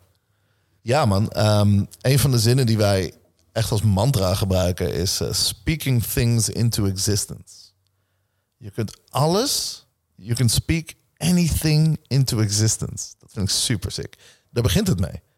Je kunt alles wat je, wat je ook maar kunt bedenken of voor kunt stellen of fantaseren, kun je realiseren en realiteit maken door het uit te spreken naar iemand. Er zijn heel veel dingen die ik pas geloof wanneer ik ze voor het eerst zeg. Ik bedoel, voor die tijd was het abstract in mijn hoofd, een soort gek idee. Leg je het een keer aan iemand uit en zie ik dat die persoon goed reageert, dan denk ik, oeh, nu geloof ik eigenlijk ook. Ja, hiervoor was het nog, ah, maybe, maar nu is het zeker een definite yes of zo. Dus Ja. dat is belangrijk. En, ehm, en als jij niks uitspreekt, kan niemand je helpen, kan niemand aan je denken. Je kan niet top of mind zijn. Het project kan niet top of mind zijn als niemand het kent. Ehm, en vaak heb je dat nodig. Je hebt synergie nodig van iemand die denkt: Oh ja, wacht, dit is echt best wel tof. Ron was hiermee bezig. Of die, die had hier iets mee. Laat me hem even bellen. Eh, en dan gaan de deuren open. Ja. Als ze niet weten hoe wat, gaan er ook geen deuren open. Daar begint En andersom. Ja, hele mooie quote. Hey, in hoeverre heeft jouw, jouw vriendin, jouw partner invloed op jou als persoon? En ja, persoon betekent ook gelijk eh, zakelijk, maar daar ben ik wel even benieuwd naar of dat. Ja, Zij heeft nul invloed op mijn zaken. Zij heeft 100% invloed op mij als persoon. Zij is alles wat ik wil zijn. wauw. onvoorstelbaar. Deze vrouw is zo puur, is zo gebalanceerd. Zij, zij komt precies uit een andere hoek.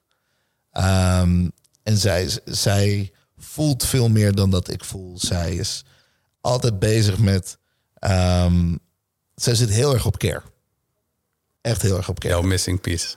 niet per se maar missing piece, maar iets waar ik veel, veel lager percentage van heb. Weet je wel? En eh, zij is veel meer bezig met zichzelf, met anderen. Ehm, en dat iedereen zich goed voelt. En dat er over gepraat wordt en gecommuniceerd wordt. En dat van elke minuut van de dag er iets moois gemaakt kan worden.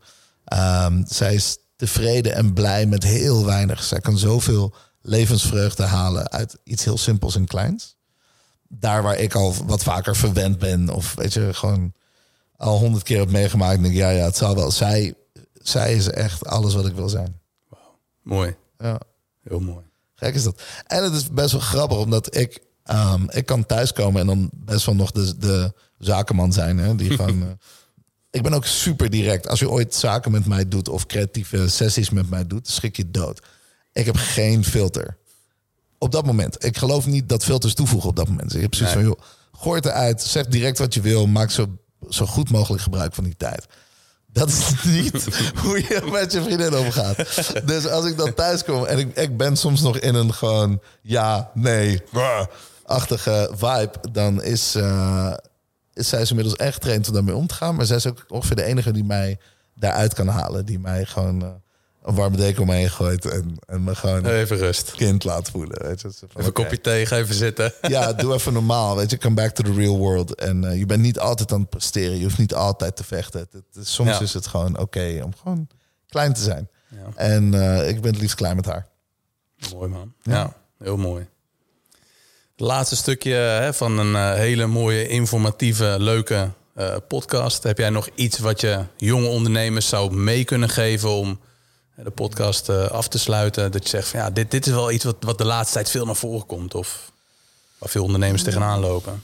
Of jongeren in het algemeen die nog Ja. gaan ondernemen. Ja, gek genoeg is dit echt eh, de vraag waar de afgelopen vier podcasts mee zijn geëindigd. dus ik ga heel erg mijn best doen om niet hetzelfde antwoord te geven. Ehm, ja, ja, ik heb wel iets. Ehm, wat ik heel erg interessant vind, los van eh, de waarde van tijd of eh, weet je, allemaal van dat soort dingen.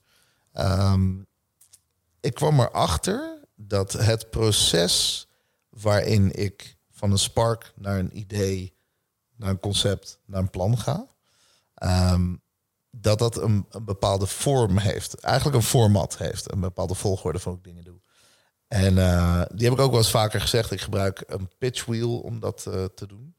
Ehm, en dat is heel gek, want de vorm heeft mij getriggerd.